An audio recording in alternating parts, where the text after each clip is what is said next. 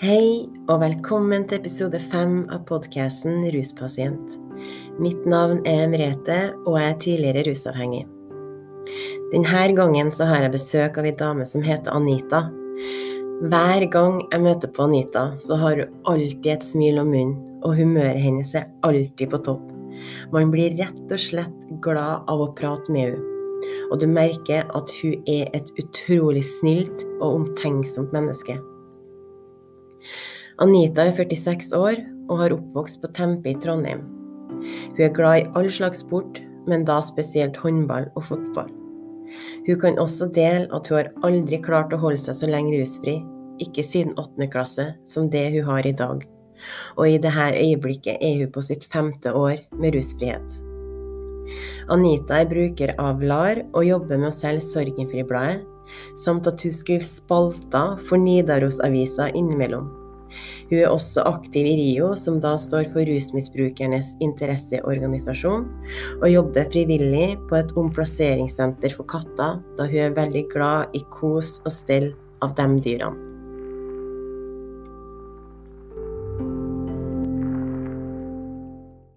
Velkommen til podkasten, Anita. Tusen takk. Du, kan ikke du fortelle litt om deg sjøl, da?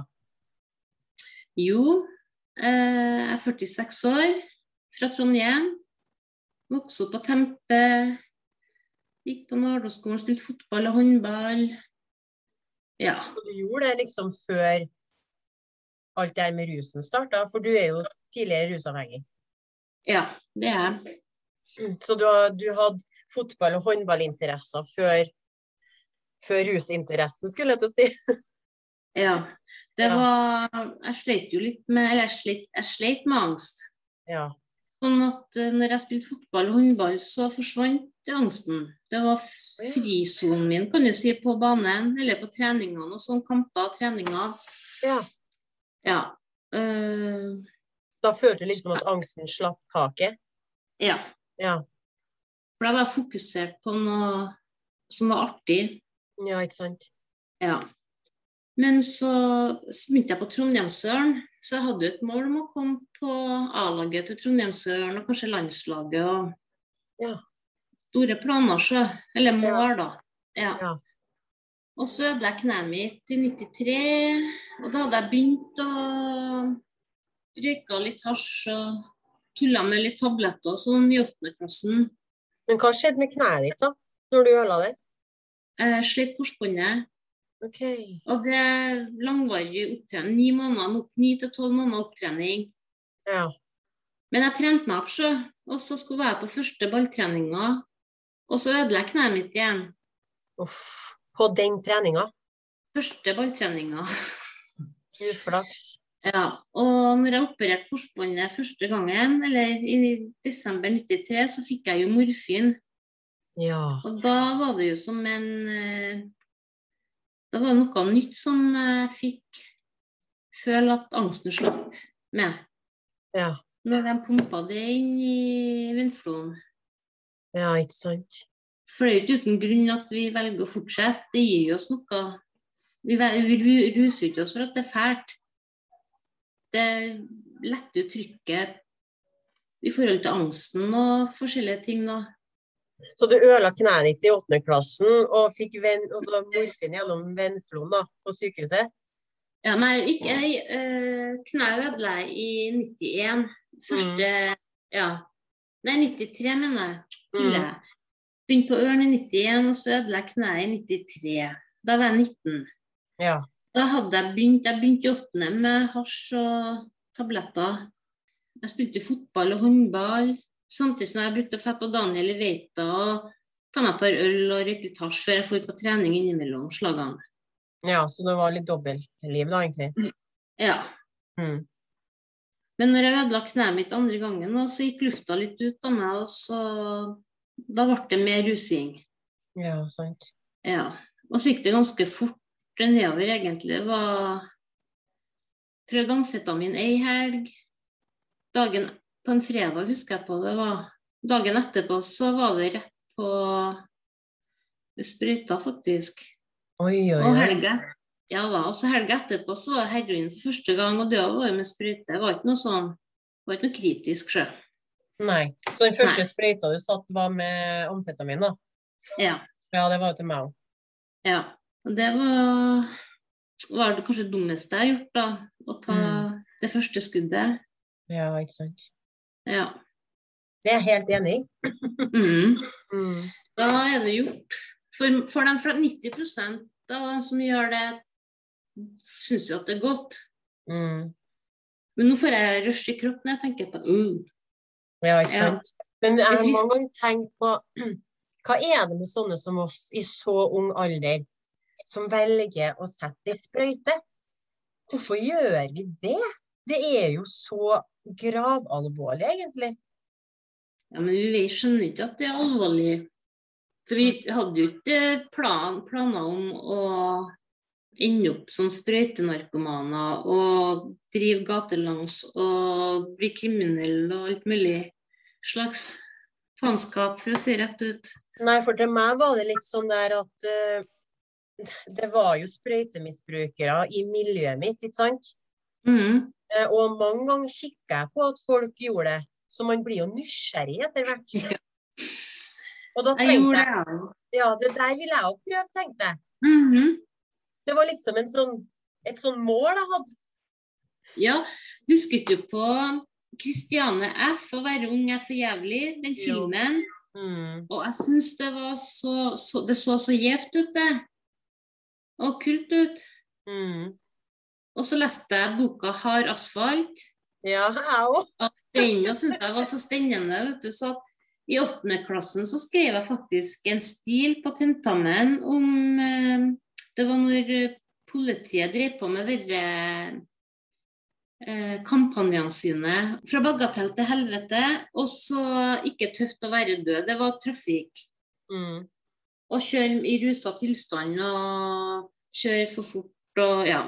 mm, Men dere fra Bagatell til helvete husker jeg på, da sang de jo om han skoleflinke gutten som var flink i fotball og hadde mye venner, og mm. som endte opp død på et offentlig toalett. Så jeg skrev en stil da, om ei jente som spilte fotball, som var flink i fotball, og som ødela kneet sitt, og endte opp som narkoman og døde. Nå skjedde alt det der s- med meg òg, unntatt at jeg er ikke død, da. Jeg sitter nå Mm. her. Ja, sant. Takk og lov Bank for i det. bordet. Ja. Men sånn selvoppfyllende, negativ profeti ja, ikke sant. Ja. Det er det det er. Men eh, vi ble Det var et rop om hjelp, da, vet du. Hva skjedde videre da etter de helgene der? da? Første helga var det første skuddet med amfetamin. Og så andre helga var det første skuddet med heroin. Og da var du 19 år. Ja. Hva skjedde Nitt- videre etter alt? Etter alt det der, så ble det ikke likere, for å si det sånn. Nei. Men merka du hva som var stoffet ditt? Var det amfetamin, eller var det heroin? Heroin. Mm. Ja. Minusen, ja. ja.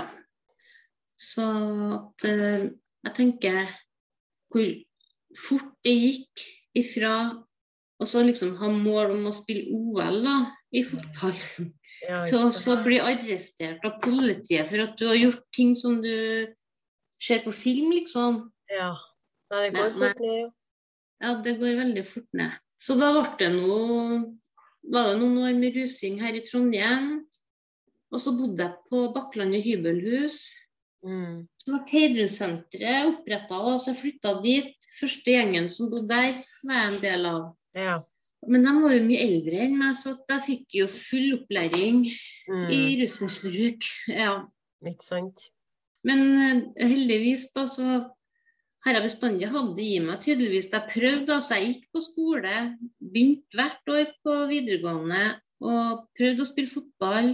Men så var det et eller annet som skjedde, at noe som dukka opp igjen i meg, angst eller eh, møtte veggen av en eller annen grunn.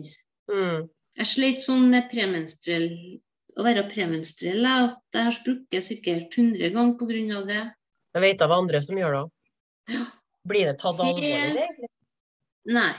Jeg Nei. var så destruktiv at eh, Og når du føler og du tenker om deg sjøl at ingen bryr seg om deg, ingen er glad i deg, at du er null vei, da er veien kort tilbake til når jeg hadde en god periode, og så ble jeg premenstruell. Det var- Slo aldri feil, det.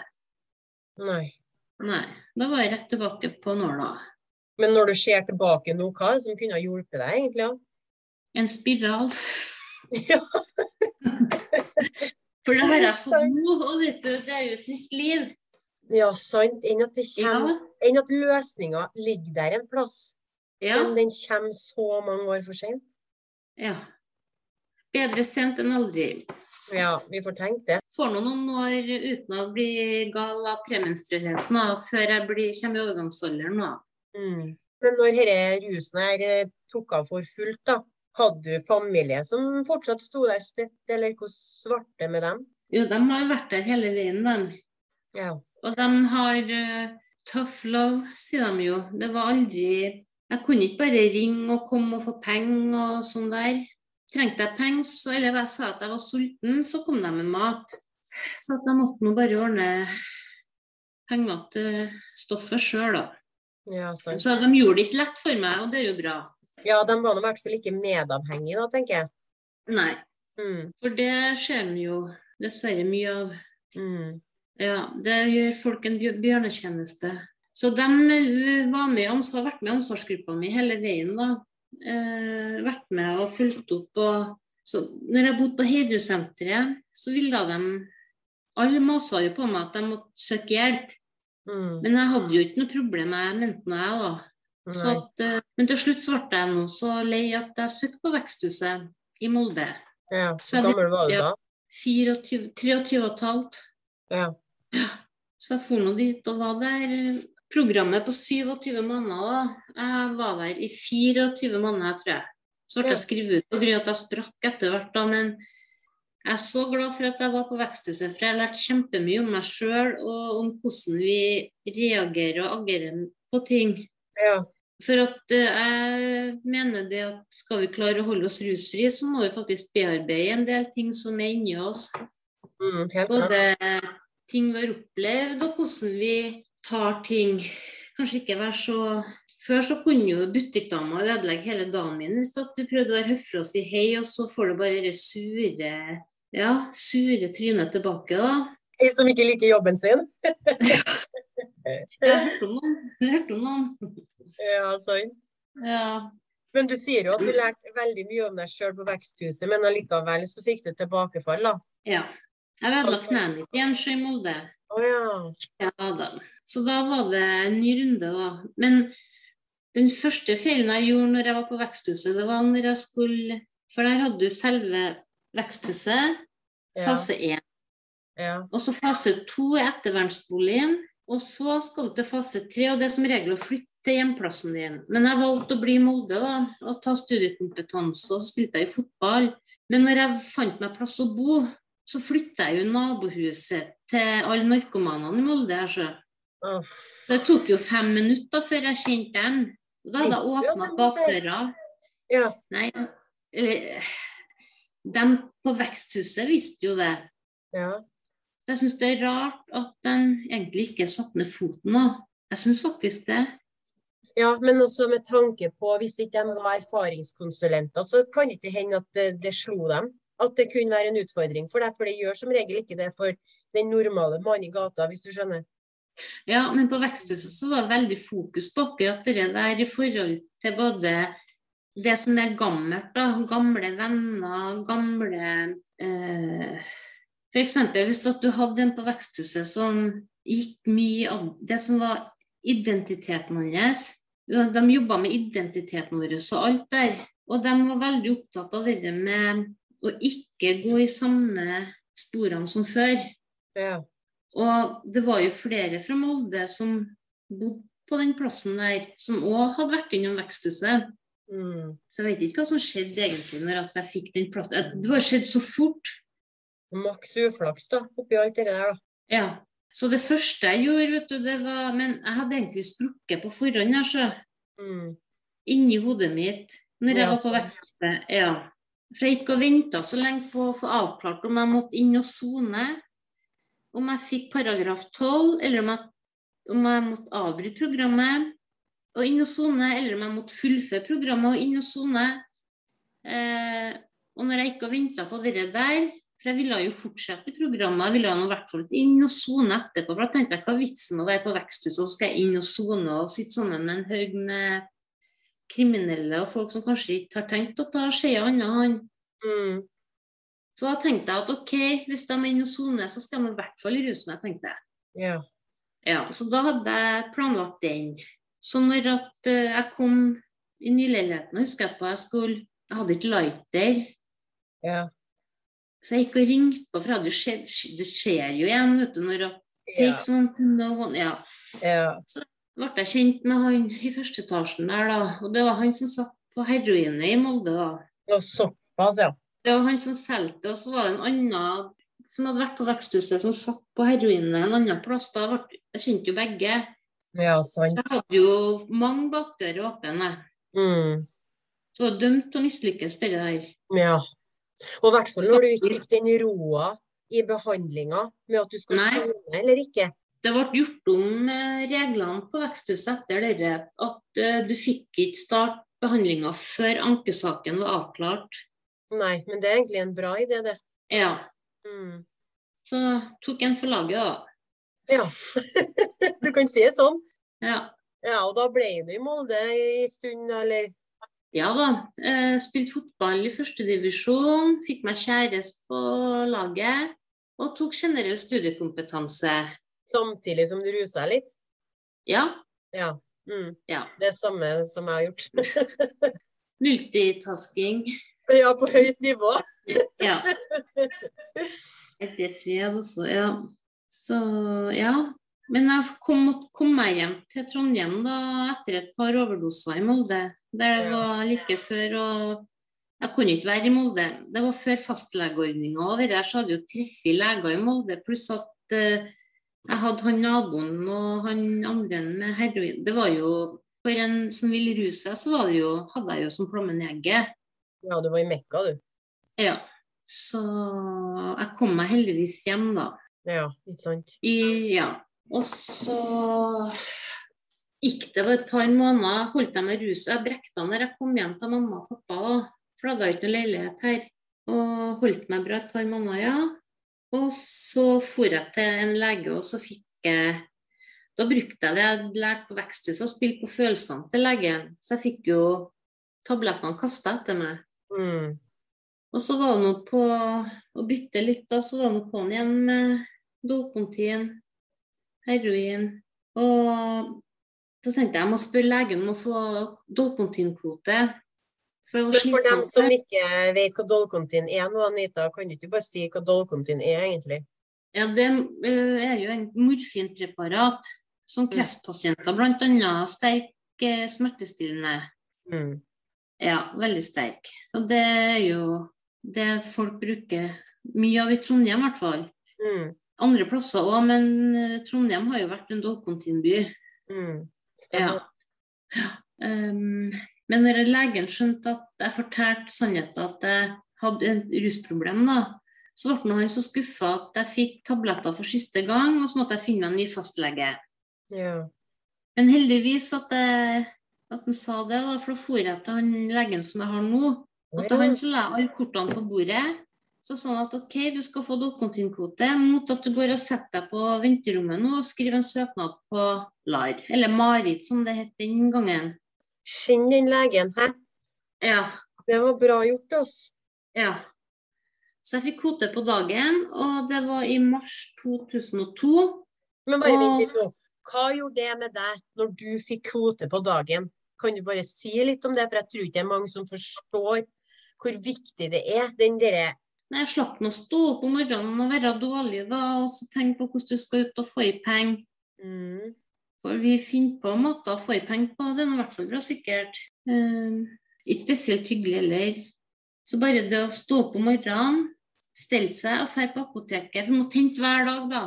mm, Men det var greit å også dra på apoteket, gjerne daglig, ja, for å slippe stresset der. Ja, det gjorde jeg òg. Og det er en Ja. sånn trygghet på en måte når du vet at du har medisin til å klare det. Ja, Det er en ubeskrivelig det, det er så ubeskrivelig følelse, det å ha, ha den utryggheten med å ikke ha stoffet der. Og det å, ha, en- og det å ha fått Og så tabletter fra legen, altså medisin fra legen, sant? Mm. som du det er vet at du kan lovlig. stå opp ja, og gå og hente. Ja. Og at du har det mennesket i systemet som tror deg, Mm. Ja. som gir deg en sjanse. Jeg måtte levere urinprøve selvfølgelig en gang i uka, da, men det gjør du glatt, da. Ja, det gjør man gladelig. Ja. Bortsett fra Så- meg, da. Meg og Ja. morfinblæra, som jeg fortalte om i forrige episode. Sant? Eller Ja. episode nummer to, for det var jo helt umulig for meg å levere urinprøve. For jeg, imellom, altså Det var jo åpent i kun en og en halv time, ikke sant? ja, du var på Hvor leverte du urinprøver, du, da? Mm, nei, det var jo nede på gamle trikkestallen her. Å ja, ja, for jeg gjorde, fikk gjøre det på legekontoret før Å, ja. jeg fikk mail av Kombintilar. Altså. Ja, for at vi hadde jo bare en viss tid på oss, og jeg ordna jo den køa, vet du. Å herregud, som jeg sto og drakk vann utafor døra som den helten. Kom inn på do, nei, kom ikke en skvett ut. Ja, det er nå én ting, og så sitter fremmede folk og kikker på at du tisser. Mm, Det er ikke akkurat det artigste det heller, da. Så. nei, det er ikke det. Nei. Nå går det jo greit, da. Nå er jeg ferdig på ett minutt, jeg. Mm, ja, nå går det greit til meg òg, faktisk, men øh, jeg vet ikke hva det er som har skjedd. Nei, men vi har nå heller ikke Jeg har nå heller ikke eh, morfin i kroppen nå. Nei, sant. Nei, Det er, sånn. det. ja, det er Ja. kanskje det som er en viktig ting å tenke på her. Ja. Drikk for mye shake. Ja. Tisse overalt. jeg. ja, hvordan gikk det? Og det å gå og levere urinprøve en gang i uka, det gikk greit? Ja da. Eh, eh, men det som var så Nå så er det ikke ventetid på LAR. Nei. Gamle Marit. To og et halvt år var ventetida før. Jeg venta Hette to Marit før? Ja. Med, medis... Hva var- sto det for? Jeg husker ikke hva det sto for. Marit, ja. Høres ut som mareritt. ja. Ja. ja. Det er sikkert mange som vil bruke det ordet òg. Om det. Mm. Ja, sant. Ja, hvor lang tid sto du på ventelista? To og et halvt år. Hæ? Ja. Nå To og et kommer du halvt jo år på kvote. Ja, ikke sant? Mm. Å, hallo i luka. Ja da. Og Ja, så var for det nå litt- kommer du inn med en gang. Ja, tydeligvis. Ja. Jeg har jo vært med siden 2004 her nå. ja. Det er noen år, det. Det er det. Herre fred, det er på tide å slutte nå. Jeg har jo vurdert det. Jeg skal slutte, da. Ja. Jeg føler det. Ja. At jeg er der. Men det er annet Jeg kan jo si at jeg personlig har jo Når jeg kom i gang med LAR, så har jeg vært veldig fornøyd med Jeg har ikke hatt noe trøbbel med LAR, jeg. Jeg er Nei. fornøyd med LAR, jeg. Mm. Og så jeg har nå hatt mine tilbakefall, og når jeg har hatt det, så har det vært eh, tilbake på scratch, i både med henteordning og flere urinprøver i uka. Mm. Men jeg visste jo om det, jeg vet jo det. Mm. Han skriver under på et papir der det står da, at bryter du avtalen mellom da- meg og LAR, så får det konsekvenser. Mm. Og det livet har konsekvenser. Mm. Ja. Så ja. Vet du hva, jeg har ikke hatt noe trøbbel med LAR heller, egentlig. Men jeg er redd for å reklamere om det, fordi at jeg mener at det er fortsatt mye som må på plass. Ja. Og jeg syns ikke heller at det skal være altfor lett å få LAR-medisin. Jeg syns ikke man skal gi LAR-medisin til en 18-åring som har prøvd heroin to ganger. Nei, nei, nei. De må jo prøve. ko- Før så måtte du ha vært opiatavhengig i fem år, Mm. og du måtte ha prøvd kollektiv. Og snakker jeg kollektiv, jeg snakker ikke tre måneder på Trondheimsklinikken, nei. Nei, sant. Du bruker tre måneder på å finne ut at du faktisk har et problem, og at du trenger behandling. Men da er du Mm. ferdig på Trondheimsklinikken, da. Mm. Så du rett... Ja, nei, jeg, jeg får Nei, Trondheimsklinikken er en annen historie. Ja, det er en Den skulle annen nesten historie. hatt sin egen episode, den.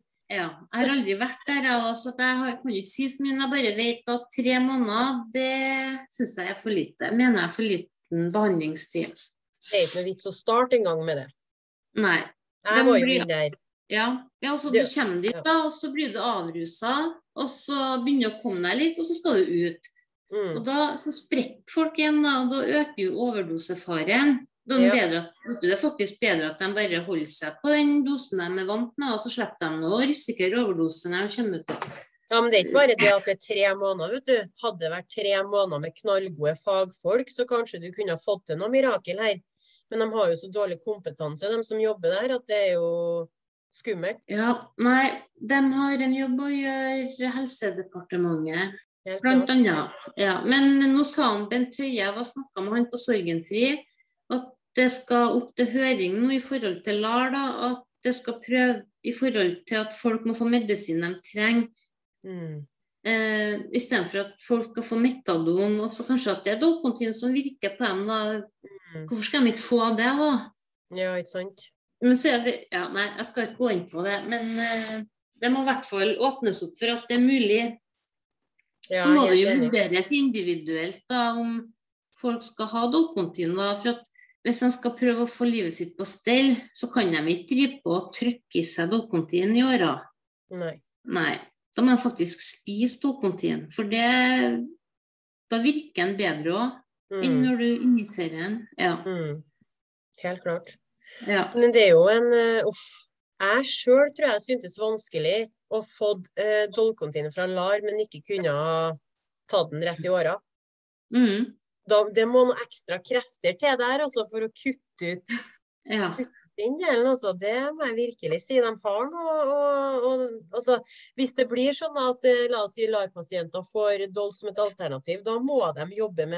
eh, Mm, Fordi at den vanen med å sette den sprøyta på morgenen og på kvelden, den må da bort, da.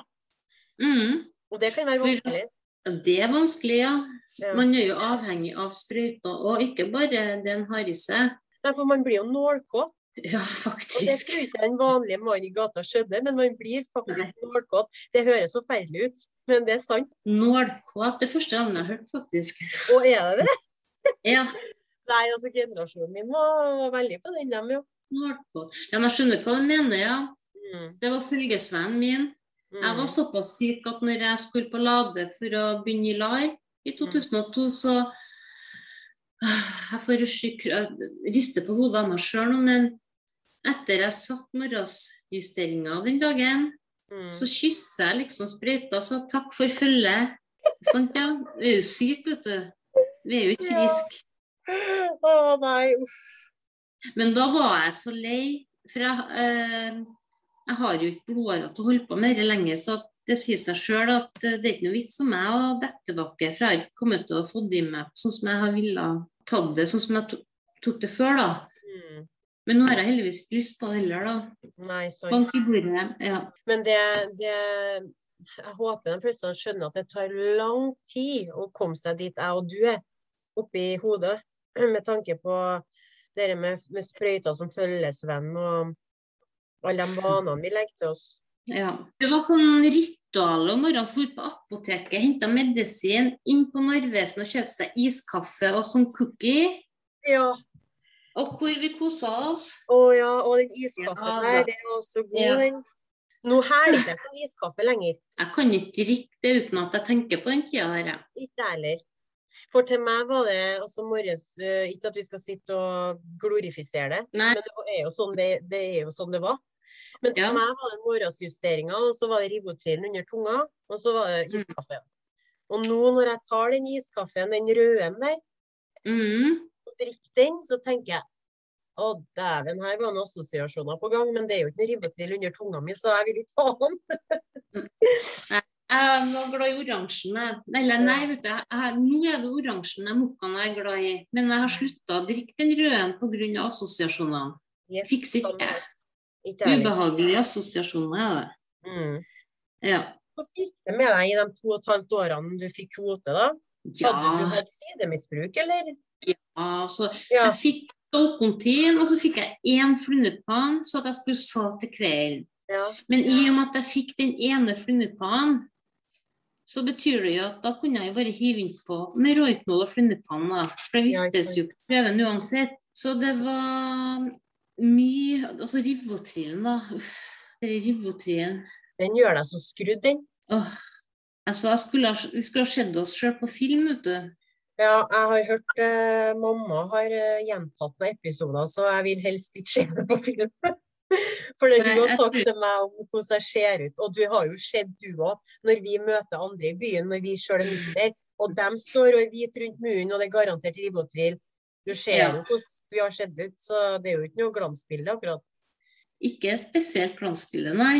Nei. Og s- var på middager og sovna med gaffelen mot moren og mens resten satt og prata i godt selskap. Og så van, vanlige folk da, jeg er jo vanlig, Vi er jo vanlige folk, vi òg, men jeg hadde jo rusfrie venner som jeg for med. Mm, det hadde jeg òg. Ja. Og da satt jeg der og så sånn at de bare legge meg ned, da, for at jeg sovna jo hele tida. Mm. Klask sovna panna i bordet, og Ja, det er sant. skikkelig trist, vet du. ja, det er veldig trist. Og så liksom Vi driter jo også gæli ut òg, da. Mm. Ikke sant? Men, men det er jo det er stygt å si at vi driter oss ut, for at vi er jo syke. Men det har jo ikke kommet dit hen i samfunnet i dag ennå at, at vi er syke. Da. Det blir jo heller tatt for at vi er narkiser, ikke sant? Ja. Ja. Og vi Det der med Jeg var nå i hvert fall sånn at eh, jeg skjønte jo ikke hva folk snakka om når de sa at jeg så rusa ut, for jeg mente jo sjøl at jeg var jo oppegående. Mm, du så helt fin ut, ja. Ja. ja. Helt til jeg satte meg ned, for da var jo sovna jeg. Mm. Gikk greit når jeg Men jeg har gått sovende gjennom byen, ja. ja. Det ja har da. jeg. Og det er jo ikke det man vil bli huska for. Nei. Nei. Men hva skjedde når du kom i LAR, da? Jo, da fikk jeg bra oppfølging. Jeg fikk eh, kjempeflink dame som heter Ellen. Mm. Og så var det ei som holdt på å utdanne seg akkurat da, som skulle ha et turnus til etter når de begynner. Og, så Ja. skal, ja. og hun trengte jo noen å øve seg på. Eh, Så at jeg fikk eh, Jeg gikk til to samtaler i uka. For Ja. før så var det jo én samtale i uka, men jeg fikk to, jeg, så jeg hadde jo skikkelig bra oppfølging. Pluss at eh, jeg fikk prata litt med Berit Nordstrand, som var legen da. Mm. For hun er veldig god på kosthold. Mm. Ja, for kostholdet er viktig, da. Mm. Ja. Men eh, jeg begynte på Subutex, da. Buprenorfin. Ja. Og det er jeg glad for at jeg begynte på, ikke metadon, faktisk. Mm. Ja. Ja, de sier jo at det, av de tre alternativene vi har til LAR, så sier de jo at metadon er det er jo det beste du kan få, men det er det verste å gå av. ja. Mm. Ja, så ser jeg nå, jeg har nå sett folk huske på en, an- en bruker. Og hver gang jeg så han, så så han bare trøttere og trøttere ut, og kraftigere og kraftigere. Og siste gangen jeg så han på urinprøven, så tenkte jeg at vet du, han kommer til å dø snart. Ja. Og uka etterpå så var han død. Ja, sånn. Ja. Ja, for at vi skal jo komme litt tilbake til LAR-pasienter og kosthold litt etterpå. Mhm. For at når at man det, Vi får en medisin, ja, og den skal hjelpe oss. Det er på en måte krykkene våre. Men det hjelper ikke bare å gi oss et par krykker, og så skal vi gå med de krykkene resten av livet da, uten at det skjer noe mer. Nei, sant. Det må jo være en plan. Få folk ut i skole, eller om, ikke- om folk er for dårlige til å komme tilbake i arbeid eller skole, så i hvert fall sørg for at de eh, tar vare på fysikken sin og helsa si. da. Ja, helt enig. Spiser seg. Og så folk begynner jo ofte å drikke da isteden, har jeg sett. Det Mm. vet nå du òg har sett at folk gjør det. Og da er de jo ikke For hodet vårt sitter jo på om vi får en type medisin. Mm. Og hvis du da velger å gå og drikke hver dag, eller røyke hasj hver dag, så er det jo noe som er ubearbeida inni deg. Helt klart. Ja, for det koster å bli rusfri, og det koster å få livet på stell. Mm. Det gjør vondt å bli rusfri og få livet på stell. Mm. Men den smerten er verdt det da, i forhold til å gå rundt med to krykker resten av livet uten at det skjer noe. Du bare går i en sånn loop. Ja, ikke sant. Ja. Nei, helt enig. Men du har jo hatt litt sånn oppturer på veien din nå, på, gru- men selv om du sleit med det kneet, fordi at du har jo vært med på litt sånn gatefotball og sånn, har ikke det? Mhm, ja. Når, når kom du inn i, i alt det der, og kan du fortelle litt om det? I 2007, slutten av 2007 så begynte jeg vel å selge Sorgenfri når det kom. Ja. Og hun som var første redaktøren til Sorgenfri, Nora Sitter, Mm. hun har spilt fotball før. Jeg visste hun fra før. Ja. Eh, og hun begynte å mase på meg tidligere, så bli med Anita og spille fotball på Veita United. Bjørn Hansen var trener, og Terje og Wenche var der, og ja. Det er skikkelig artig så å være med og spille med dem. Ja. Langt tid før jeg Det var veldig sårt for meg, det der med fotballen. var det. Sant. Det var det var drømmen min da, som brast, liksom. Ikke Mm. liksom, den gjorde det. Ja. Og var det litt sånn at du visste ikke om du ville være med på et sånt et lag fordi at du egentlig har sikta veldig høyt? Eller? Nei. Nei, Det var for at det var for stort, det var for sårt å begynne på igjen, med tanke på hvem jeg egentlig skulle ha vært på den tida der, da. Ja, sånn. og spilte fotball. Eller kanskje ikke akkurat da, da, da begynte jeg jo å bli godt voksen, men hen jeg kunne ha vært årene før. Mm. Ja. Tok lang tid før jeg klarte å se fot damefotball på TV-en. Ja, uff. Jenter og damer som jeg spilte sammen med og mot, sånt, ja, de eh, var på landslaget. Og så satt de der at der kunne jeg vært. Og det rev skikkelig i hjertet mitt og magen min. Ja, i hvert fall når du, du får klinte så gæli opp, også at du får det fra TV-en, liksom. Ja. Mm. Sånn at eh, Nei, det var skummelt det med fotballen, ja. Men jeg tok nå sjansen til slutt. Da ble man Nora. Og det tok jo to minutter, så var det jo gjort, vet du. Da var jeg jo kjempeglad for at jeg ble med. Ja, sant. Begynte å spille på Veita, ja. Og så ble det NM i Stavanger i 2008. Det var jo ikke noe rent damelag på den tida der i gatefotball. Nei. Jeg spilte jo sånn med guttene og mot guttene. Det var, men det var greit. Jeg spilte mye med guttene før. jeg. Trondheimsøren brukte å ha treningskamper mot guttene, at- ha gutta på treninger og sånn, for at vi skulle få kjørt oss litt. Og så var det uttak til landslaget, for det er NM i gatefotball, og da er det det som er uttakskriteriet for VM i Mm. gatefotball. Ja. Men jeg ble jo ikke tatt ut på noe landslag, jeg, for det var nå ikke noe damelandslag siden det ikke var noe damelag i Norge i hele tatt. Så da var, men jeg ble skuffa likevel, jeg, for at jeg mente nå sjøl at jeg glatt kunne spille sammen med guttene på Ja.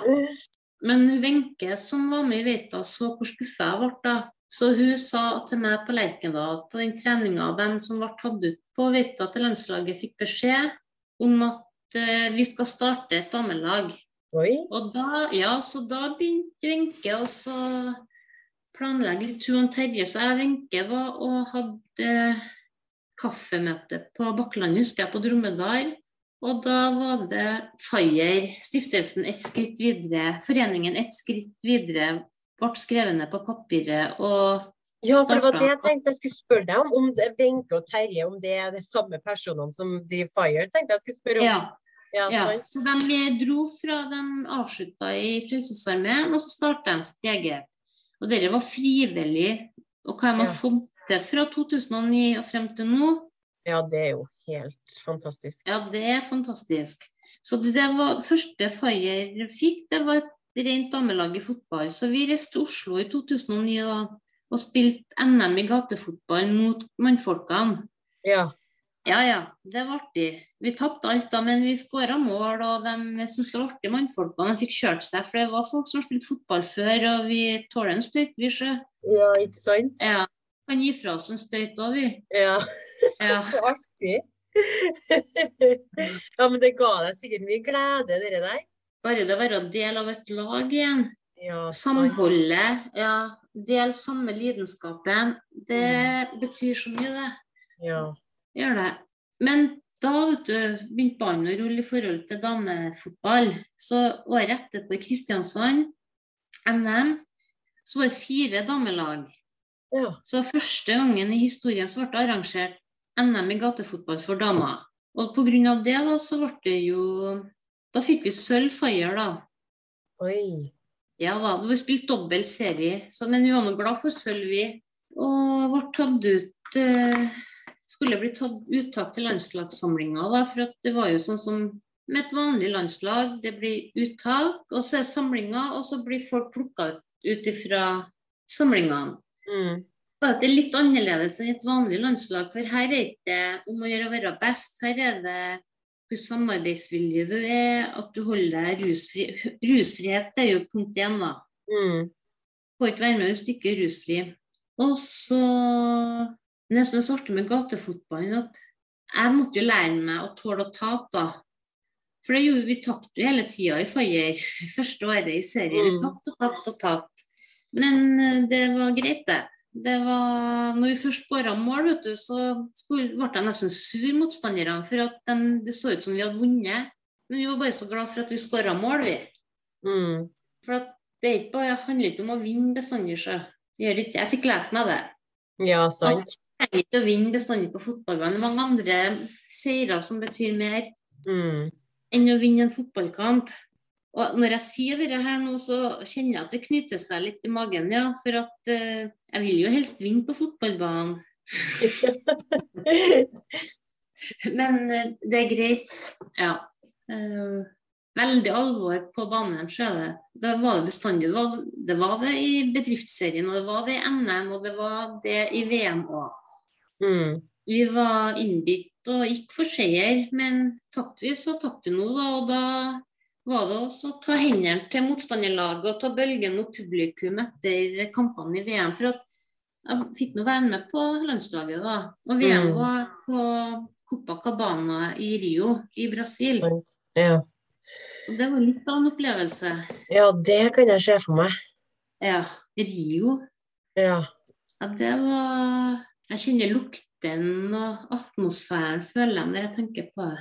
Akkurat som jeg er der. Hvor lang tid tok det å fly dit? Tolv timer til sammen. Å, hallo. Mhm, det var Så jo dere fint. for Men direkte, jeg eller? Nei, Frankrike. Paris. Men stoppa Oslo. dere, men stoppa dere en tur i Frankrike, eller, og sånn at dere sov der, eller bare gikk av flyet og så venta på neste? Ikke av flyet og sprang til neste gate.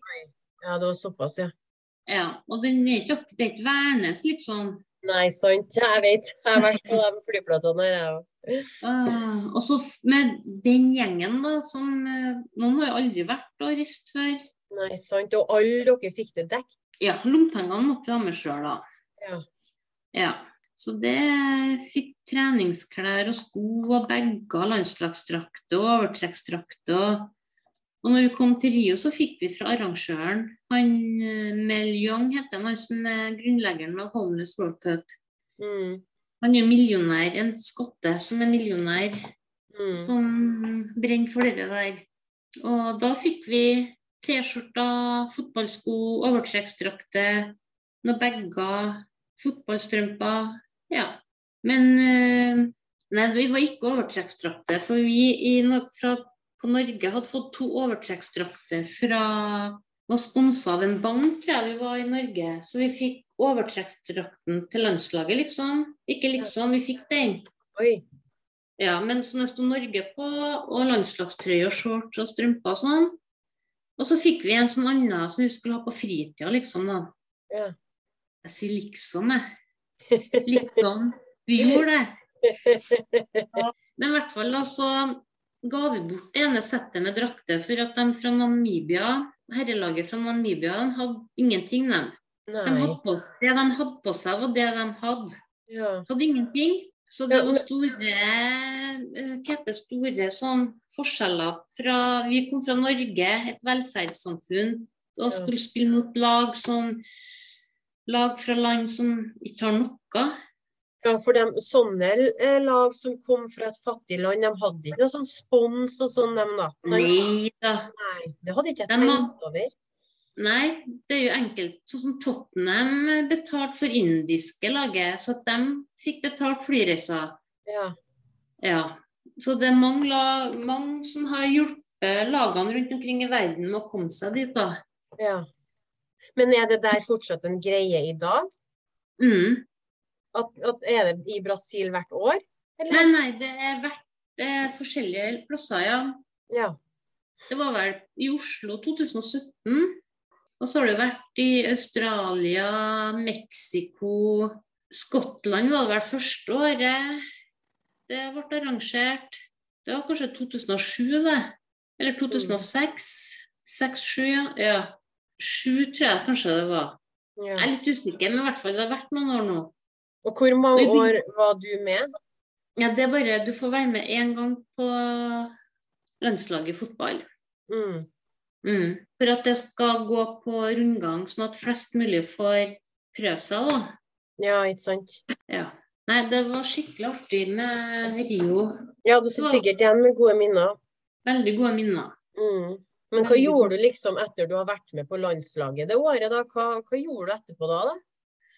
Du, vi var flere som fikk sånn Jeg visste det kom til å komme, sånn tomhetsfølelse. Ja, ikke sant? Det var det jeg tenkte. Så vi ble fulgt opp ganske bra. Da. Det var flere som gikk på en smell etter de kom fra Rio og Ja, hadde det så bra, hadde sin livsopplevelse. ja ikke sant? Ja. Jeg gikk på en smell, jeg òg, gjorde jeg faktisk. Jeg husker på det rundt juletider i 2010. Ja, for da er det sånn at da er det ikke noe trening og ingenting for dere, da, eller? Ikke landslagene. Da er det det laget vi spiller på, da, sånn som Fire eller Veita eller Stavanger. Ja. Ja. Mm. Men det har jo tatt store steg i Norge. da. Sånn som Ranheim har jo fått gatelag nå. Mm. Ranheim under toppid, altså under elitelaget til Ranheim. Mm. Rosenborg omsider, de starter 1.10 med gatelag i fotball. Å ja, Ja, så bra. Og, ja, ja. Og, det, og de sier jo det nå eh, På Ranheim så er det hun Eva Hansen som er en av pådriverne, dattera til en Bjørn Hansen, Mm. som var Rosenborg-trener og som trente Veita. Mm. Han er jo dessverre død nå, da, men eh, hun eh, Dattera til far sin, ja, det er i hvert fall bra sikkert. Brennende engasjement, vet du. Ja. Skikkelig bra. Men, men hva skjedde etter deg videre, da, Anita, når du liksom hadde vært med på alt det der og gått på en smell? Hva, hvordan gikk det videre? Nei, da reiste meg hjem, jeg, da. Ja. Og så var det noe og begynte på å spille fotball igjen. Og så var det NM i 2011 og 2012 og 2013. Mm. Med Jeg, hadde, jeg har jo ikke rørt opiater siden 2010. Mm. Men jeg har jo hatt et par episoder hvert år, egentlig. På noen dager, eller kanskje ei uke eller to uker maks, da. Mm. Når det har vært Når jeg har eh, Når det har blitt for mye til meg, så har ikke jeg hatt noe plass og fått eh, bedre. Jeg har gått til psykolog, men det har liksom ikke funka for meg. da. Jeg har ikke fått den kjemien. Jeg har ikke fått til å åpne meg opp. Nei, sant. Det er så Nei. viktig med riktig kjemi. Ja. Men- Tar jeg feil nå, eller ødela du kneet ditt igjen? Nei, det ble ødelagt i 2002 for siste gang. Ja. Og det var bare Det var den skaden som gjorde at jeg nå 19. mai ble operert og fikk helprotese i kneet. ja, sant. Det var derfor Ja. jeg trodde at du hadde Mhm. skada deg enda en gang, siden du opererte deg noen nylig. så- Nei da. Men nå Mm. er kneet så nytt, noe bedre enn det har vært på 15-18 år. Det er jo Mm. kjempebra. Ja. Så, men det, jeg rakk å få med meg to treninger på Ranheim sitt gatelag før jeg fikk operasjonen. da. Men Men nå tenker blir du å tilbake til fotball igjen, eller hvordan blir det nå?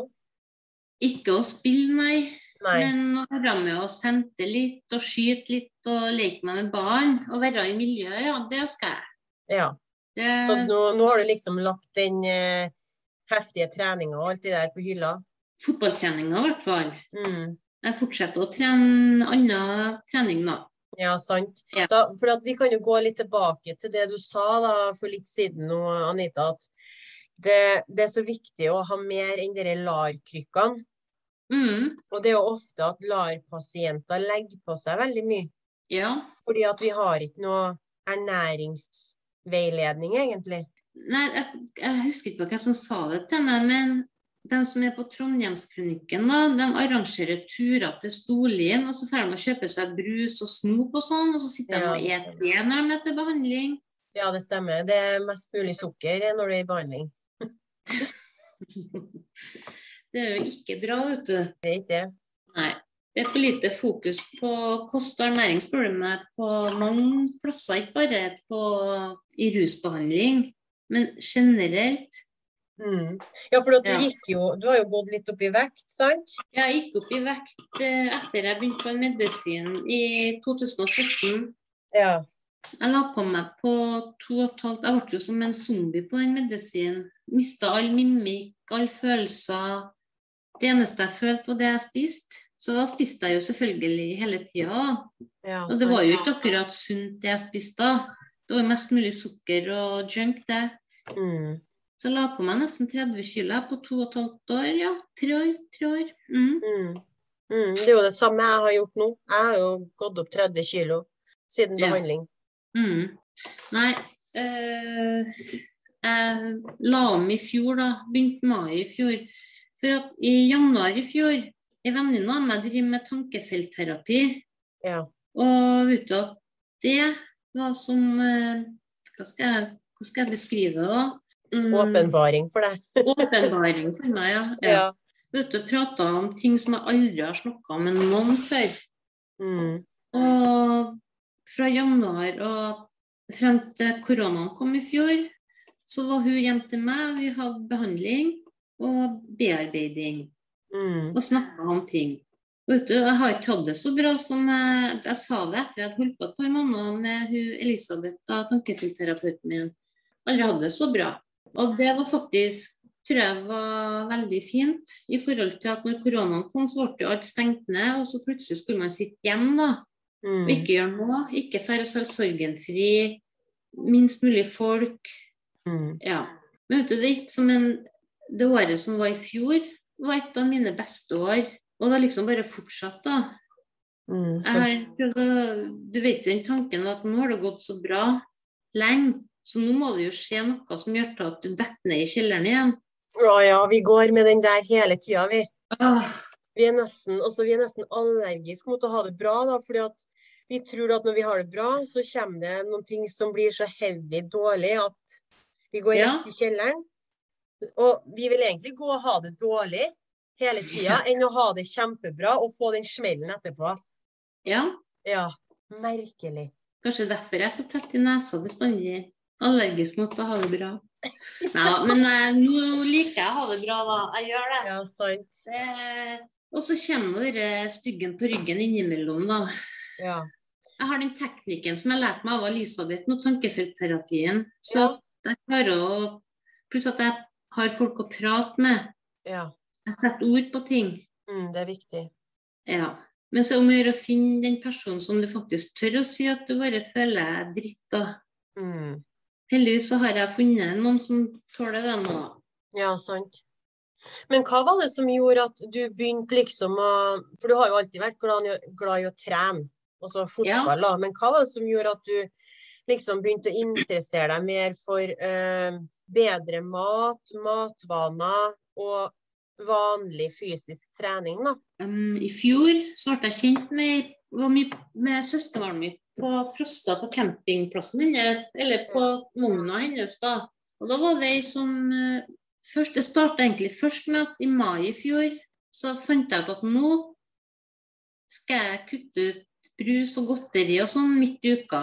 Så jeg bærte ned flere bæreposer fra skapene, tømte skapene for ba- usunne ting og bærte ned i kjelleren. For jeg hadde jo lagt meg til den uvanen at jeg spiste om natta når jeg gikk bare medisin, for jeg slutta med den i mai 2019. Men i og med at jeg hadde blitt avhengig av mat, flere gen, avhengighetsgener Jeg bare flytta det over til mat. jeg. Ja, det er jo det vi gjør. Men det tror jeg ikke at Trondheimsklinikken skjønner at vi gjør. Nei, sant? Og før det så var det jo spilling. Ja. Ja, så rus og spilling og Altså Mat. avhengighet er avhengighet. ja. Sånn er det bare. Ja. Det er faktisk det. Og så jeg- på to måneder òg, fra mai til juli, så klarte jeg å få igjen regnjakka mi bare ved at jeg kutta ut brus og junkie og snopet. Ja. Men Ja. har ikke du hatt sånn Jeg vet jo folk som prøver å øh, legge fra seg sukker. De blir jo Mm. altså, Jeg har jo prøvd det sjøl. Jeg blir jo helt sprø når at jeg har gått noen dager. Ja, for vi er jo avhengig. Raffinert eh, sukker eh, Raffinerte ting er ikke bra. Nei. Men, men du klarte bare å altså, Du kom deg lett over den kneika, du, eller? Vet du, jeg- egentlig så husker ikke jeg de to månedene der. Nei. Jeg bare vet at jeg ikke hadde tilgjengelig mat eller junk og snop opp her. Ja. Og så spiste jeg Prøvde jeg å spise vanlig sunn mat, da. Men jeg spiste sånn som boiling bag-grisen, vet du. Det er jo ment for to personer, det. Men jeg Ja. spiste jo én sånn en alene, jeg. pluss at jeg sikkert spiste eh, eh, kjøtt, fisk, eh, kylling for to personer òg. Så jeg Mm. spiste jo altfor mye. Ja, sant. Ja, for jeg husker når du begynte med det der, da fjerna du liksom alt det du kunne gå og, og, og snope litt på. da. Det, det, det, det fjerna du til kjelleren, du husker jeg du sa. Ja. Jeg får kjelleren er tre etasjer ned. Ja, sant. Ja. Og så merker jeg det at du hadde bestemt deg for det her, du. Du hadde virkelig Ja. bestemt deg for det. Det var det jeg merka. Og da har jeg egentlig tenkt på det lenge, og så Før Mm. hadde, jeg merka jeg fikk ikke på meg klær lenger som jeg hadde. 30 kilo er ikke akkurat øh, lite. Nei. Men jeg Nei. syns det er rart at LAR-behandlerne våre ikke tenker over det. For at jeg tror det er en feil en plass, fordi at de tenker sånn Når vi eh, blir kvitt rusen med eller uten Mhm. LAR, og begynner å legge på oss, så sk- Mhm. da, det er positivt, det er sant. Å, du ser så frisk ut nå. Nå har du begynt å legge på deg. Ja, nå ser du sunn ut. Jeg tror det er det som er en litt feil i alt det her. Bleik og jævlig sånn smådvask, vet du. Det ser ikke sunt ut, det, vet du. Nei, det Nei. gjør ikke det. Men, men hva, d- altså, hva du tenker at Lars skulle ha gjort med, med dette her, da, og de ruspasientene som legger på seg så gærent at det blir farlig, da? Det skulle ha vært eh, lagt inn eh, Jeg vet jo at de tilbyr trening på klinikken ned der. Ja, det gjør de. Men det, det jeg merka, her har vi et stort problem. For at det blir tilbudt eh, trening, og de som jobber ned der, er jo utdanna innen idrett. Ja. De kan jo trene deg, men folk Mhm. tør jo ikke å ned. Sant? De er jo i dårlig form, noen av dem. Og enkelte altså Du sier jo det sjøl, det er kun tre måneder. Noen må bruke tre måneder på å komme seg ned dit første gangen.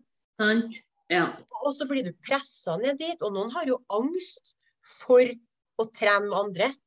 Noen Ja. har angst for å være på treningsstudio. Mhm. Noen har angst for å være nede der, mens andre er der. Altså det, det er så mye som må legges til rette, da. For det er ikke bare å sende en gjeng med, med narkomane ned dit og håpe på det beste. Nei. Folk gjemte seg når treneren kom Ja. og leita. Og, og det som også var litt feil, da, var at jeg tror trenerne ble litt lei òg, fordi at trenerne begynte å krangle med pasientene. Ja, sånn. De, de sant. for jo og lette etter dem og sprang etter dem oppe i gangene. 'Hei, du skal på trening du nå. Har ikke vært der på fire ganger. Nå må du komme hjem.' Pasientene fikk Ja, jo helt sånn nei. «Åh!» Hun ene sprang jo inn på badet og låste seg inn og hylgrein. Nei. Ja, nei, for at jeg begynte å eh, Jeg hadde jo ikke fysisk aktivitet i hodet mitt først. For jeg hadde jo så vondt i kneet, jeg klarte nesten ikke å gå. Jeg gikk jo som ei krykke, og med 30 kilo plutselig på kroppen ekstra, så ble det enda vondere å gå. Mm. Det der med at jeg var på Frosta og ble kjent med ei, og hun eh, har drevet på litt med noe shaker, litt forskjellig, litt sånn supplement da, til et sunt kosthold. Mm. Og i det opplegget der så kunne jeg fortelle meg at det var så godt samhold. De hadde gratis trening oppå Stavset. Mm. Og det var online-trening. For at det var jo korona, så at istedenfor at folk møttes, så kunne folk stå på stua si og trene. Mm. Og da kunne de, Det var på Zoom, men de kunne skru av kameraet, så at de slapp å vises. Jeg gjorde det i Ja, begynnelsen. Jeg ville ikke, bli, vi- jeg ville ikke stå med de 30 kiloene mine og Days foran alle sammen til jeg visste hvem var jeg. Nei, sant. Men etter hvert, vet du, når, at, uh, når du trener, så føler du deg bedre. Mm. Og Da får du automatisk mer selvtillit. Så det tok ikke lange tida før jeg torde også å ha på kamera, jeg òg. Mm. Og de var jo i samme båsen som Ikke bås, samme Hva heter det? Situasjon. Samme båten. Ja. Samme båten, da. Mm. De eh, kanskje hadde litt behov for å gå ned litt. Og, Mm. så da begynte, og så hadde de sånne utfordringer hver måned. Og den første utfordringa var med på i juli i fjor. Det var å gå 10 000 skritt hver dag. Mm. Så fikk vi et poeng. Og så Mm. kunne du vinne premier og sånn. Det Kosta var- ingenting. Det er akkurat sånn der opplegg rusavhengige eh, i behandling skulle hatt. Ja. Når det er litt sånn for poeng og vinne premie og sånn, da er det mange som slenger seg med, tror jeg. Ja, Ah, ja, det tror jeg. Ja. Men jeg tror også at det må inn i den der tverrfaglige biten. Ja. Jeg tror at du må, du må, man må ha hjelp til å fjerne den derre eh, treningsangsten, rett og slett. ja. Og, og, og ja også forventningspresset må bort. ja. Ikke Helt noe klart. forventninger som whatsoever. Bare gjør ditt beste. Det er Ja, ikke noe for å det- gjøre å klare mest mulig armhevinger, f.eks. Du gjør nå de toene du klarer, da, f.eks. ja for at han du snakka om i sted, han som du hadde møtt eh, på- eh, på, sett på urinprøven eller noe, hvor det var han som gikk på Ja. LAR-medisin, og så hadde han lagt på seg så gærent, og så tenkte du han der kommer til å dø snart. Ja. Tenkte du det pga. helsa hans, liksom? ja. Fordi at han hadde lagt, ja, for at han hadde lagt på seg lagt sånn? på seg, så det gikk i ett av halsen og Og Du hørte at han surkla ut. du. Bare han satte seg ned, så sovna han. Overalt der jeg så han. På Frelsesarmeen og på LAR og Ja. urinprøven. Ja. Faen, så fælt altså at eh, ja. det ikke blir tatt tak i. For det Nei, var, det- det var, ja, det var jo rett og slett fysikken som Helsa hans var for dårlig. Hjertet Ja. tålte ikke. Nei, Og det han er har jo et, det er jo et gjentagende problem. Ja. Hvis vi, hvis vi tenker på alle dem vi kjenner som er under LAR, eller dem som eh, prøver å holde seg rusfri uten. Også det vekta kommer jo skremmende fort på. Ja. Og så er det mange som eh, velger den letteste slankemetoden, og det er nå kjøret, da. Ut på Mhm. kjøret, så slupp, sier jeg, så en måned så har du mista 20 kilo. Men det blir jo jojo-vekt, da. For når man Ja, da det er bestemmer jojo-vekt, seg- ja. Ja. Ja, Når det ja. må avruses igjen, da, så kommer hun på igjen, da. Nei, sånn at jeg har nå holdt på siden i fjor da, med de treningene, og etter hvert så ble jeg med på ei venninne av meg. Søstera hennes driver eh, Tren på nett. Mm. Og hun har hatt sånn åtte uker, kom i form, hun satte opp treningsprogram. Og så starta jeg i det små. Ja, men, og så er det, økte hun gradvis. men må, du, bet- må man betale for det der? Du eh, trent på nett? Eh, Nei, du må ikke det. Eller det er 50-45 kroner måneden, da. Ja ja. Men det Ja. var jo ikke så dyrt, da. Nei. Og da får du oppfølging av personlig trener, eh, treningsprogram, oppfølging. Mm. Ja. Og så starter du på scratch. Ja. Du tar utgangspunkt i formen din. Mm. Og da I første uka på De har to program. Program 1 og 2. Program 1 er for dem som er helt uten treningsgrunnlag Mm. og sånn. Ja. Og da skal de bare gå tre lyktestolper, liksom, eller springe mellom én lyktestolpe til en annen igjen. Og så gå litt, og så springe en lyktestolpe til. Og da springer du så sakte du bare Eller sakte, da springer du i ditt tempo. da. ja, ikke sant? Ikke noe tidsgreie eller noe. Det er bare hva du klarer. Det her høres ut som noe jeg kunne ha meldt meg på, Ja, vet faktisk. du, Det er genialt også. Ja. Og selvfølgelig fokus på kosthold, da. Er det Mm. òg.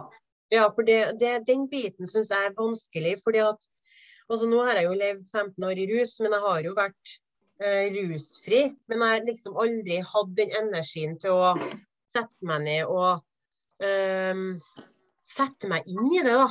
Nei. Jeg syns det er så mye å sette seg inn i. Det der med kalorier og umettet fett og mettet fett og Men du trenger ikke tenke så mye på det, sjef, for at eh, spiser du rene råvarer, Ja. tar du en knyttneve med karbohydrat, det er jo ris og potet og nudler og sånne ting, ja.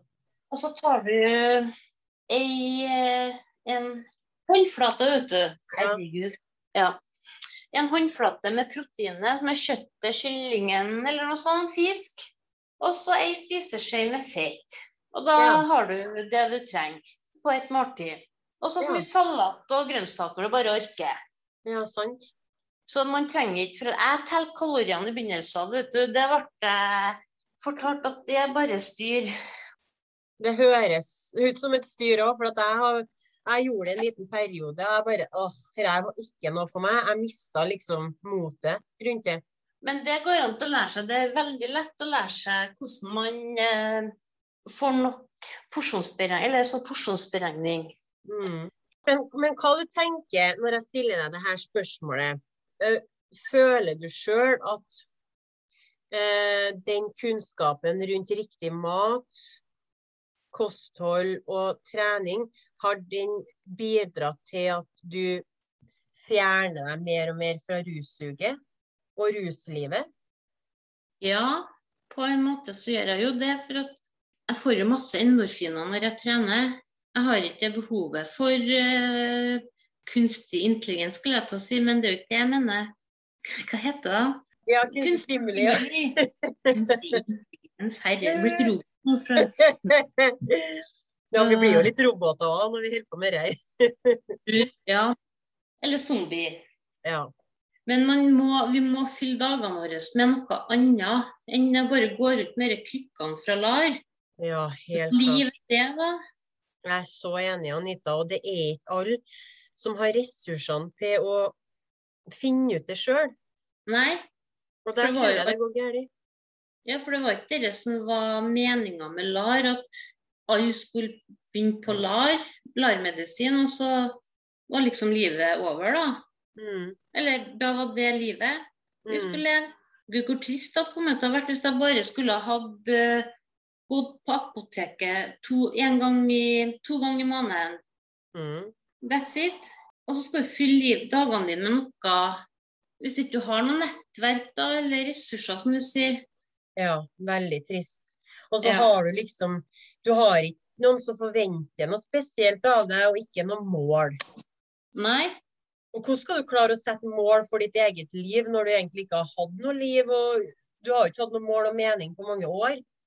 Nei, for det er ikke alle som har hatt eh, et Hvis da noen har ikke hatt et vanlig Altså hva er noe vanlig, men noen har ikke hatt et rusfritt liv i hele tatt. De begynte så ung alder å ruse seg at de vet ikke hva de går glipp av, egentlig. Med å få dagene fylt med ting som er bra for seg. Ja, det er veldig trist, egentlig. Men Så- samtidig skal du klare å holde deg Du er nødt til å ta tak i det som er inni deg, da. Jeg slipper ikke den, altså. Du må ta tak i ting. Mm. Sånn at du er rusta til hvis at du Jeg snakka med en som sa at noen ganger så er så fullt glasset at eh, han skaller tåa, slår tåa inni bordet og får dritvondt, så er det nok til at det bikker over, liksom. Mm. Og da sa jeg til henne at, vet du, at det er det som er hele poenget, at du må jobbe med ting hele veien, sånn at du kan slå tåa di inni bordet da, uten at du går ut og spreker. Ja, sant. Sørg for at det glasset alltid er halvfullt, bare. Mm. Ikke la det renne over. Må jobbe med, med oss sjøl hele tida. Men det er jo litt vanskelig å jobbe med seg sjøl òg, når at du er under LAR. For det er jo ikke så mye tilbud vi får, egentlig. Vi kan jo ikke bare gå til ei gruppe og sette oss og ha gruppeterapi. Man må jo alltid søkes inn en plass. Ja. Og jeg har jo gått i dagbehandling, jeg òg, når jeg gikk på den medisinen. Ja, det var fint at jeg hadde noe å gå til, men jeg var jo som en zombie satt og sitta i den gruppa der, jeg vet ikke. Jeg kom meg i hvert fall ut. Det var eneste jeg gjorde, det var å være på den gruppa her en og en halv time to ganger i uka. Ja. Så jeg ha- gjorde nå i hvert fall det, da, så det var jo bra. Men jeg tror ikke å sitte og fortelle hvordan vi har det, løser noe. Man må jo prate om hvorfor, og hva som gjør til at vi får de onde, ekle følelsene. Hva kan vi gjøre for at det skal bli bedre? Hvis du skjønner hva jeg mener, ja. Ja, jeg skjønner. Jeg er helt Ja. enig. Ja, nei, så egentlig så skulle det ha vært litt mer tilbud også under LAR, da, og litt Ja, bedre oppfølging, egentlig, med, på forskjellige ting, da, når det kommer til Mm. helse. Så hva er dine fremtidsplaner nå, da? Hvor Ja. går det herfra? Oppover. Ja. ja, for du er jo Sakte, men sikkert oppover, og så går det sikkert litt ned. Men det er greit. Og så går det Det skal være litt bølgedal. Livet er en bølgedal, men slipp dere brå Mm. oppsvingene og bratte, bratte kurvene. Mm. Vi må unngå bratte kurver. Ja, for det er sant det du sier. Livet går opp og ned, og det gjør det til alle. Men jeg Mhm. syns at det er en sånn derre gjentagende ting til oss rusavhengige at eh, de opp- og nedkurvene våre, de er så heftige uansett om det har med rus å gjøre. Jeg merker Ja. jo nå, vært rusfri i to og et halvt år, at eh, kurvene er Altså når det skjer noe, så skjer det noe så heftig at det er vanskelig å holde seg fast, da. Ja. For Det skjer, altså, det, jeg tror ikke jeg har kurvene til, til et A4-menneske. Jeg tror kurvene våre er annerledes, men jeg, jeg vet ikke om det har pga. livshistorien å gjøre, eller om det bare føles sånn, eller Du, jeg tror ikke at kurvene er at de nødvendigvis er bratte, så det er bare at vi ikke vet hvordan vi skal håndtere dem. Det kan godt Vi- hende. Ja, for at vi, re- vi rekker ikke Vi gir oss ikke tid til å tenke. Vi bare detter ned i stupet, vi. Mm, Vi Ja. stopper ikke å tenke. nei, sant. Og vi spretter rett opp og ut uten å tenke begge veiene. Det Ja. går uh, opp og ned i superfart uten at du kanskje klarer å Reflektere noe særlig. reflektere. Ja. Mm. ja. Men jeg føler at jeg har lært meg å reflektere litt. Jeg har lært mye av det på Veksthuset. Og så er jeg en- jeg er blitt flinkere til å ikke analysere for mye nå, da. Ja, For det er ikke så- bra det heller. tror jeg. Nei, vi overanalyserer ganske Nei, nei. mye. Mm. Ja, vi gjør det. Sånn er det bare. Slå oss til ro med at ting er sånn. Mm. Det er ikke alt vi kan forandre her i verden. Nei, og det er ikke alt vi får til å kontrollere heller. Nei. Og vi må bare konsentrere oss om oss sjøl. Mm. Å være her og nå. Det har tankefeltterapeuten min innprinta meg med at eh, vi har aldri noe annet enn her og nå. For at i går så var det i går. Mm. Og når vi kommer til klokka kvart på fem i morgen, Mm. så er det ikke i morgen. Da er det her og nå. Så vi Ja, må det er bare sant, være det. her og nå. Ja. Men hva vil du si til LAR-pasienter som hører på oss nå, da? Som står i en litt sånn der dårlig utgangspunkt. Kan ikke, ikke gi opp. Kan ikke si det. vet du. Du vet at når vi hører det der 'ikke gi opp', det er nesten litt å smelte den personen. for Sant, ja. Hvor mye hører ikke vi det der 'ikke At gi det opp'? hele tida ikke du, Ja. Ikke gi opp. Nei, Men det er i eh, hvert fall viktig å fokusere, tror jeg, på, på at åh, det fysiske og det psykiske henger så godt sammen. eh, ja. Ikke sant? Et usunt kosthold gjør til at du blir også lavt blodsukker. Hvem er det som blir happy av lavt blodsukker, da? Og så det var en som sa til meg, en sånn coach, eh, det du putter inn i kroppen av junkfood og sånn, sånn blir du i hodet òg. Ja. Junkfood er ikke bra for deg, så derfor så blir ikke psyken din bra heller. Sant? Og Mm. jeg har hørt ei som er fra USA, da. Hun har et sånn, en podkast. Og Bright Lines Eating heter det. Om å- hva som er bra å spise. Mm. Og så må jeg si at eh, sukkerplanten og korn, val- opiumsvalmuen og kokabladene, de er i utgangspunktet helt ufarlige, dem. Ja. Men raffinerer du dem, så blir du avhengig av alle fire hvis du begynner å putte i det. Ja. Pizza er den mattypen folk er mest avhengig av fordi at det er mel i ja, sant. da, faktisk. Sånn at eh, vi må Hvitt sukker, det er ikke bra. Alt med måte, i hvert fall. Det går an å Mm. kose seg litt en gang iblant, ja, men eh, Ja, for det gjør jo du òg ennå. Sant? Ja, ja, ja, ja. Ja. Jeg spiste to donuts i går, jeg. ja, det er viktig å belønne seg bitte litt oppi alt det der, da. Ja. Men eh, tusen takk for at eh, du var gjest her, Anita. Det var du- kjempehyggelig å prate med deg. Takk, det samme. Men til LAR-pasienter så håper jeg at det kla- kan komme noe tilbud. Det må komme noe alle som trent på nett, at vi kan ha ei gruppe sammen. Vi skulle ha laga ei sånn gruppe der folk kan få trene. og Det skulle ha vært noe kost... eh, Sånn eh, kostholdsopplæring, ja. ja, Mm, kostholdsopplæring. mm. Nei, men takk for eh, ditt bidrag, skulle jeg til å si, Jo, Anita. takk. Jeg håper nå det ble et bidrag, da. Det ble det. Det ble det. Ja. Alle Det går nok. snakker jo. Vel an. Ja. Når jeg Altså, det- klarer å komme meg hit, så klarer alle det. Det er bare at man må Det er bare du sjøl som kan klare det, men du klarer ikke det alene. Mm, akkurat. Mm. Nei, men da snakkes vi senere. Ja. Ja, vi snakkes, Anita.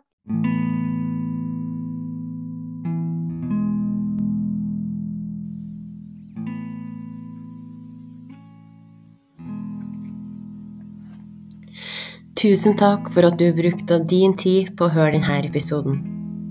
Neste gang så har jeg besøk av en person som har slitt siden barne- og ungdomsskolen med tung psykiatri. Han har brukt de fleste årene i sitt liv på å være i psykose og innlagt på tvang. Han har diagnosen paranoid schizofreni, og når du blander denne sterke diagnosen med rus, så får man et helt nytt nivå på rusproblematikken. Og hvordan skal man hjelpe mennesker som havner mellom to stoler når det kommer til så sterke diagnoser, samt en rusavhengighet?